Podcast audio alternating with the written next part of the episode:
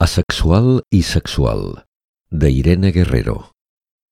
Primer premi del segon concurs de microrelats de la Facultat de Biologia de la Universitat de Barcelona, 2018. Veus Maribel Gutiérrez i Miquel Llobera, de En veu alta, enveualta.cat.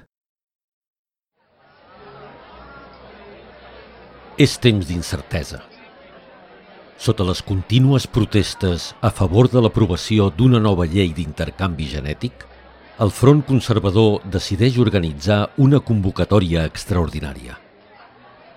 La presidenta del Front comença el discurs sota l'atenta mirada de milers de seguidors.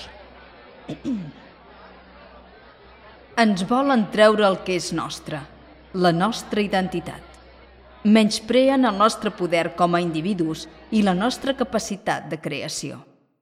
Amb el que ens ha costat arribar fins a aquesta estabilitat, no són conscients dels milions d'anys que han sigut necessaris per establir el procés de reproducció vigent del qual gaudim.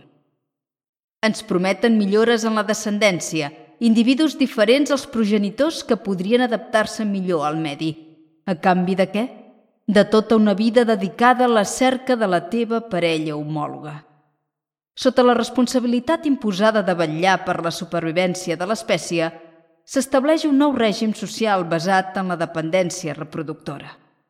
Necessites la recombinació dels teus cromosomes per sentir-te realment complet, per sentir que llavors seràs capaç de crear vida.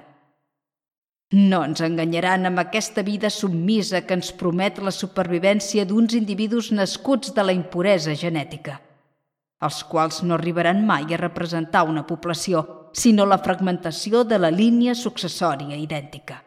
No ens doblegarem sota la idea de transferir el poder individual al poder d'un col·lectiu que vol controlar la població amb la bonica poesia de l'amor romàntic. Diguem no a l'intercanvi genètic i diguem no a la reproducció sexual. I tota la sala va esclatar en crits i aplaudiments.